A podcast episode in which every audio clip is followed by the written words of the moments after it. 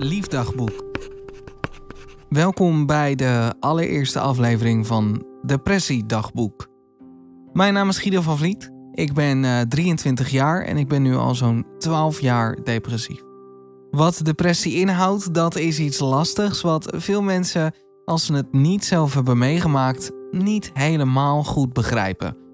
Het is een lastig iets waar je niet veel over hoort, niet veel mensen praten erover en wat mij betreft praten veel te weinig mensen hierover.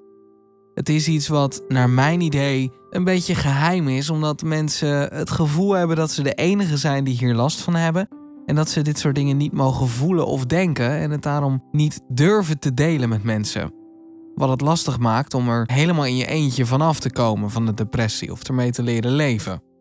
Waarom heb ik gekozen om het depressiedagboek te noemen? Nou, een dagboek is iets uh, persoonlijks natuurlijk, waarin je vaak van dag tot dag beschrijft hoe je dag ging. Hoe jij het um, allemaal beleeft en wat jij erbij denkt. Ik zat uh, vandaag op mijn bank, de hele dag uh, Netflix gekeken en geslapen. En op een gegeven moment kreeg ik nare gedachten in mijn hoofd. Ik kreeg een vervelend gevoel en ik merkte dat mijn depressie weer wat meer uh, de, um, de winnende hand kreeg in mijn gevecht met mijn depressie. Ik heb nu zo'n 6, 7 psychologen gehad in mijn leven. Ik ben nu bij een nieuwe aangekomen. En daar heb ik um, ja, therapie dat mij heel erg goed helpt. Traumatherapie, EMDR heet dat. Met die therapie ga je terug naar traumatische momenten in je leven. Momenten die je uh, op een negatieve manier gevormd hebben tot wat je nu bent. En daar heb je dan nog steeds vandaag de dag last van. En door die uh, momenten zo gedetailleerd mogelijk voor je te proberen te zien, um, ga je daarmee aan de slag en kom je er uiteindelijk vanaf. En kun je heel veel dingen waar je dan last van hebt gehad, daar kun je mee om leren gaan. Dat is iets waar ik later meer op in zal gaan. Het is puur even een eerste uh, aflevering om je te laten weten wie ik ben, wat er aan de hand is en waarom ik dit ga doen.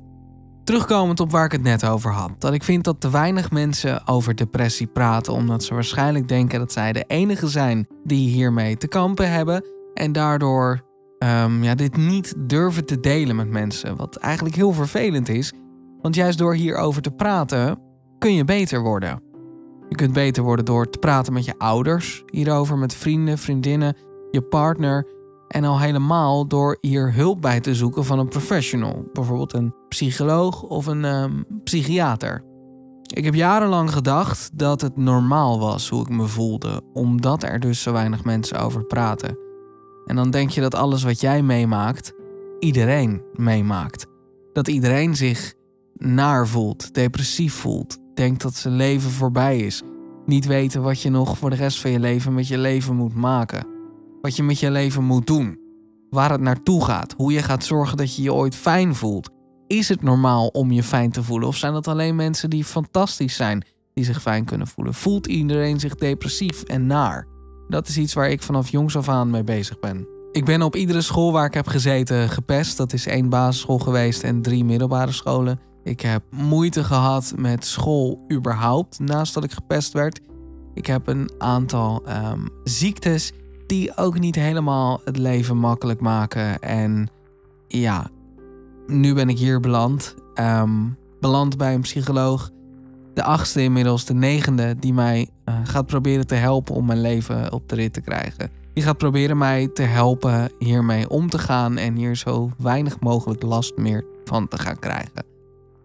Wat het idee is dus van het depressiedagboek is dat ik iedere keer als er een gedachte in me opkomt, ik deze met jullie ga delen. Om het goede voorbeeld te geven dat het oké is om te delen hoe je je voelt. En ook zeker als je je niet goed voelt.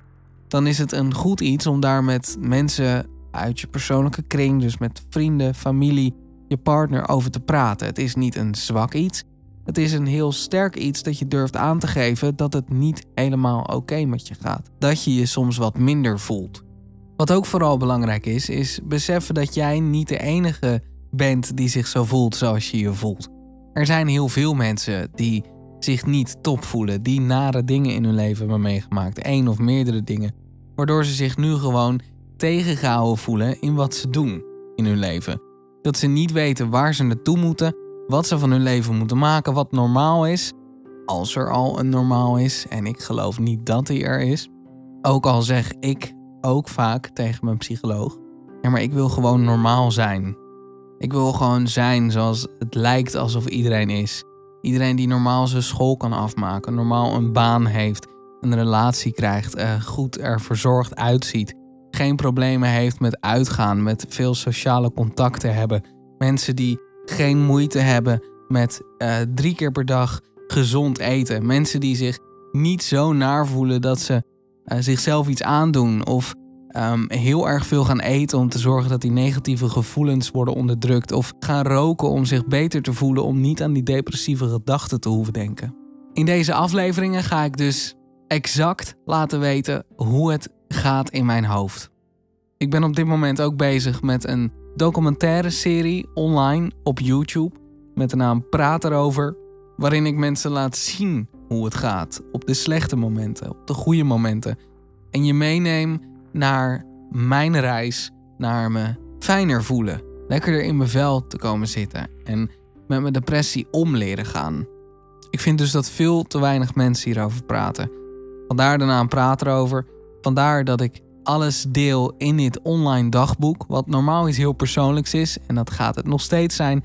Ik ga heel persoonlijk vertellen en heel kwetsbaar vertellen. Puur hoe het met mij gaat en wat er door mijn hoofd spookt. In de hoop dat jij erachter komt dat je niet alleen bent. Jij erachter komt dat we dit samen kunnen doen en dat er hoop is op een betere toekomst. Dat er hoop is op dat jij je niet dagelijks zo rot hoeft te voelen.